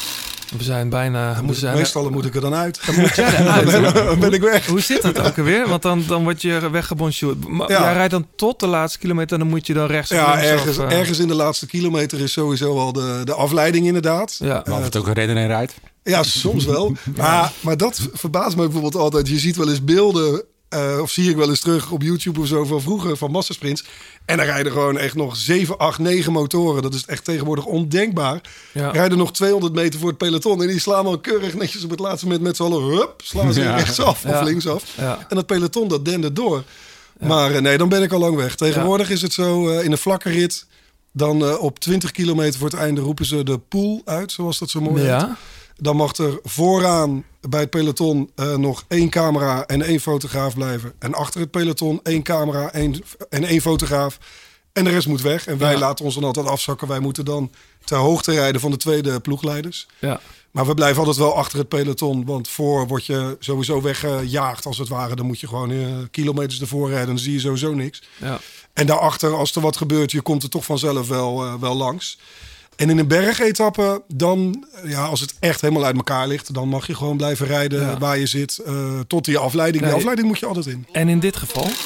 Bauke Mollema dus. Op weg naar dat eerste meetpunt. Is hij er al? Hij zit er eh, bijna, hij is er bijna. Wat rijdt inmiddels tussen eh, de hekken. Die hekken zijn zojuist begonnen met de armen in de beugel. Dat eh, dichte achterwiel dus. Ik heb nu goed uitzicht op het frame. Geen bidon. Dus als hij inderdaad gestart is met bidon... dan is hij hem verloren in dat eerste gedeelte. Want ik zag daar zo'n platte zwarte bidon... en niet al te grote... zag ik over de weg heen glijden... naar die uitwijkmanoeuvre van Mollema. En precies zo'n exemplaar zit ook op zijn reservefiets. Mollema nu in de bocht naar rechts... met de handen op de remgrepen. Het Ja, dit was die tijdrit in eh Meijer. Ja, ja, een paar jaar geleden. Ja, 2016. Ik stond onder in die bocht waar nog wel eens wat renners... eh, de- had je die afdaling, die vlogen daar gewoon eroverheen. Ja, dat was een pittige. Eh, waarom heb je dit fragment nog Nou, John meegenomen? vroeg inderdaad van, Ja. nee, wil je ook kijken of je een soort ja, een hoogtepunt voor jezelf. Maar ja, dan eh, heel vaak bij, bij mooie, de mooie momenten, bij de finish maak ik niet meer mee. Daar ben Nee. ik er al lang uit. Dus Ja. ik, ik maak het hele spel daar naartoe mee. Dus ik heb wat fragmenten zitten terugluisteren en deze kwam ik ook weer tegen. En ik vind dit eigenlijk wel een heel mooi moment, omdat dit eh, eigenlijk pure radio is. Ja. Het is namelijk beschrijven wat je, bezie- wat je ziet over die bidon en, en ja, toch wat details meegeven hoe die bidon eruit zag en zo. En toch ook gewoon de feitelijkheden hè, met de tijden en de verschillen. Een beetje overrekenen erbij. Dat hoor je ook wel als ik die ene tijd even herhaal. Dan ben ik ondertussen Ja, aan het rekenen van... oh ja, dan mag hij nog zoveel verspelen. Maar dus dit vond ik wel een mooi fragment. Omdat je eh, ja, toch ook dingen toevoegt. Het beschrijven, de sfeer. Je hoort dat je, dat je in de koers zit. En toch ook gewoon de feitelijkheden. Ja. En, eh, de, Maar za- hier zat jij niet op de motor. ja, ja, ja. Maar toch wel. Hier zit ik echt Ah, direct, ja. direct achter eh Ja. Bauke Mollema. En in het begin vond ik tijdritten altijd ja, een beetje saai en een beetje lastig. Maar ik ben de laatste jaren mede door ook het goede rijden van Dumoulin. Ja. Dat is echt zo mooi om achter een. Dumoulin in vorm in een tijdrit te rijden. En ook door Mollema, door deze soort momenten, ben ik dat echt gaan waarderen. Omdat je gewoon echt juist daar eigenlijk juist heel veel in kijkt. Dit was ook een hele technische eh, Ja. tijdrit, hè? Met, met klimmen, Ja, afdalen. dit was echt een pittige, ja. Klopt. Ja, en Mollema stond toen tweede. John, weet je, dan kan je dat nog voorstellen. Ja. Die stond gewoon op, op twee minuten nog wat achter Froome. Ja, toen hij eh, met, met die Van Toerit had hij ging lopen. Ja. Hey, jongens, eh, Hey, nog even ja? één dingetje. Artiesten vinden het soms moeilijk om zichzelf terug te horen als eh, liedjes. Hoe is het bij jou? Als je jezelf hoort? Ja, nu, nu niet meer. In het begin had Ja. ik dat wel heel erg. Ja. In het begin had ik dat wel. Maar nee, nu, nu kan ik daar nog wel wat mee. Overigens over Mollema en die Tour trouwens nog gesproken. Dat is ook wel een van de momenten geweest dat ik dacht van... Ah, nu, nou, niet schamen, maar toen die, die laatste... Of de, ja, de zaterdag-etappe naar Morzine... Daar, daar verloor hij definitief het podium. En op een gegeven moment reden wij echt als enige nog bij Mollema. De ploegleider was al door. Ieder... En ik vroeg al aan die regisseur, ja, waar wil je ons hebben? Moeten we ook niet door? Maar ja, daar reed helemaal geen Nederlander meer vooraan. En de, de hele Tour, alles was beslist. Ja, blijf maar zitten bij Mollema hoor. Dus dan moet je nog drie, vier flitsen daar maken. En maar weer dat het... Ja, dadelijk hoort hij me. Dus ik begon me op een gegeven moment echt... Weet je wat zachter te praten. Oh ja? Ja, Ja. toen... eh, ja, ik dat vond ik wel een beetje een lastig moment. Ja, ik denk dat die jongen die zit er al helemaal doorheen. En dan zit er nog zo'n knul op een motor hem, eh, verder in die, eh, in die putten daar. hoor. Ja. Ehm, de laatste kilometer dus. Wat we dan altijd doen is eh, voorspellingen, John. We gaan, eh, wij doen weer ons eigen Scorito-poeltje, denk ik. Mensen ik- gooien jullie hem een keer openbaar, maar dat weet, eh, dat weet ik niet. We doen straks, oh, ik heb wel een idee. Oké. Eh, maar een flesje wijn dan maar. Alweer? Ja, alweer. dat, is toch, dat is toch prima? Ja, is goed, prima. Die voor mij is al op hoor. Van Ja, dat mag ik hopen wel, ja. Hey, eh, Sebastian, jij mag beginnen. Oh. De top drie. De top drie in het algemeen klassement van de Tour. Ehm, Op drie. Op drie. Op, oh, op drie. Pino. Oh, Pino. eh, twee Dumoulin. één Benal. Dat betekent dat Roglic doorheen... eh, ik wilde eerst Roglic zeggen, Ja. maar die heb ik op het, echt op het allerlaatste moment besloten eruit. Ja, heel, heel slim. Ja, ja. Toch John? Ehm, omdat het zo'n ijskonijn is, denk ik dat Roglic gaat winnen. Mhm. En ik denk dat eh, Bernal en misschien zelfs wel Carapaz op het podium komen daarbij. Oh, echt? Ja. Twee en drie. Ik denk op, eh, op drie Boegman. Daar is die weer. Ja. Op eh, twee Bernal. En op één Dumoulin. Ja, dat zou wel wat zijn. Precies 40 jaar na... eh, Oh ja, tuurlijk, ja. Precies Dat is hem 40 na. Hij, kijk, dat hebben we wel eens eerder gezegd. Zoetemelk is ooit naar TI Rally gegaan om de Tour te winnen. Omdat die ploeg was zo sterk, begeleiding was zo goed. En hij won toen de Ja. Tour. Waarom denk je dat Dumoulin naar Jumbo-Visma is gegaan? Tuurlijk heb je daar Roglic bij. Maar goed, eh, ik, ik denk dat Du- Dumoulin heel netjes zo opbouwt... en in de derde week super is... en in de eerste week oké is. Ja, maar ja, als je het dan laat liggen. Kijk, er kan natuurlijk een noodsituatie komen dat hij zich moet opofferen voor, eh voor Roglic al, gelijk in het begin. Dus het is... eh, Nee, maar zo'n rondje Nice, jullie zijn er ook vaak zat geweest. Daar, daar rij je niet iemand op minuten.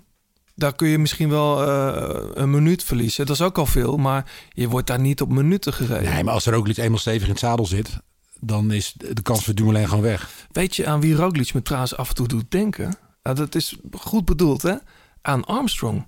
Zo'n atleet op een fiets, heel stil en hoog... eh, Armstrong vond ik wel echt meer een eh Ja, goed. gracieuze renner hoor. ja, gracieus. Ja, ik vind hem een beetje een werker hoor, die Roglic. Nou joh, ja? Ja, ik vind het echt zo'n machine. En vooral omdat hij... Weet Ja, je, maar dit- dat bedoel dit is, ik. Dit is, voor Misschien mij, dat dit is voor mij de eerste keer dat hij echt voor de Tour gaat, toch? Ja. ja. Dus ja, dus ik, ISO, ik, ik, ik weet nog goed, het, met die documentaire van Jumbo-Visma... die ze hebben gemaakt over zijn Vuelta-zegen...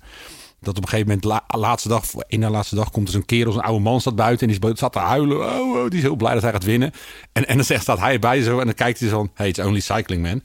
Weet je, en toen dacht ik van ja, dat, is, dat typeert hem, denk ik. Dus eh, hij kan ook denk ik het beste met die spanning omgaan. Mm. It's only cycling. En dat is in een Tour wel belangrijk, denk ik... als je drie Mm. weken onder druk staat. We zullen zien, mensen. Ik heb er heel veel zin in. Over voorspellingen gesproken. Wij mogen dus die Garmin Edge 530 weggeven. Wat je daarvoor moet doen, John, Ja. is ehm, je moet gaan voorspellen, net als wij net deden. Alleen in dit geval iets ingewikkelder. Wie heeft er op de eerste rustdag, wie staat er dan in het geel? Ja, en dan ga ik even, ik maak even een Instagram post. Ja. En als je daaronder eh, reageert en even ons, eh, op ons eh, eh, abonneert. En dan maak je, je mag, Maak het ook, je mag het ook twitteren naar ons. Dan gebruik dan de hashtag eh, de grote plaat en never stop cycling. Eh, en dan krijg je de Edge 530. Daar zit dus ook die Climb Pro functie op. Automatisch eh, de resterende stijging, eh, de helling zoeken, de lengte van de klim waar je aan begint. Super handig lijkt mij. Ja. Er zit ook ongevaldetectie op. Ook heel handig. Oh, dat heb ik al een keer gehad. Eh, ja? ja, toen reed ik van de weg af. Toen kwam er een, een, een auto die kwam tegenover, een heel smal paadje, ook bij, bij Montfort in de buurt daar zo. En ik, ik rijd van de weg af en ineens gaat hij... eh, en dan gaat, gaat hij gewoon je contactpersoon appen. hè, Klopt, hij verzendt automatisch je ik kon- locatie. want ik had daarvoor Ja. had ik een eentje met een touchscreen. Dus ik zat, ik zat te druk heel de Mhm. tijd. Ik kijk het ding uit. maar ja, toen heb ik wel mijn meisje maar gebeld. Want Ja. ik zeg, joh, er is niks aan de hand. Nee. Maar die krijgt gewoon een eh, crash eh, alert van eh John de Braber. Dus ja, ik denk, maar wat je, John, wat je kan doen bij die Edge is als je dus zonder erg valt, dan annuleer je het bericht binnen 30 seconden. Ja, maar ik kon die knop niet vinden. Oh, oké. Nou goed, de Edge 530 kan je dus winnen als je ons laat weten wie er op de eerste rustdag in het geel staat. Eh, en dan eh, nou maak je dus kans op zo'n prachtig ding. Dat was hem alweer. Ja. Eh, Sebastian, bedankt. Ja. Heel veel succes in de tour. gedaan. Dankjewel. Heb je je koffer al gepakt? Nee, nog niet. Doe ik denk Nee. de avond van tevoren. Ja, want wanneer, wanneer ga jij? Is dat dan... eh, Ik ga de woensdag voor de tour begint. En dan doe je de coronatest in Frankrijk? Nee, nee, dat heb ik dan op maandag gedaan. Oké. En op woensdag ga ik erheen. Dan stap ik in bij collega Steven Dalebout. Ja. En eh, ik denk dat hij rijdt en, en de muziek uitkiest. Want als er iemand eh, in muziek geïnteresseerd is, is hij het wel. Ja. En die, dan, die gaat dan mij weer eh, anderhalve Maar dag je- lang allerlei andere nieuwe muziek laten horen, denk ik. Totdat Ja. we in Nice zijn. Ja, je kunt deze podcast nog even terugluisteren. Ja, ja, ja, gaan we wel doen. Ja. We willen graag nog wat mensen bedanken. Fleur Wallenburg voor het uitlenen van haar prachtige stem. 36 voor de die je dus eh, ook kunt winnen. Dat weet je als vaste luisteraar. Pankra bedankt voor het logo. Ehm, en jullie natuurlijk bedankt voor het luisteren. Ehm, laat even een reactie achter op Apple Podcasts of op Twitter. En wie weet haal, eh, haal je de volgende keer de podcast, John. Ja. Parijs is nog ver. Ja. Toch? Ja. Heb je er zin in? begint nu te komen. Ja? Goed zo. Bedankt jongens.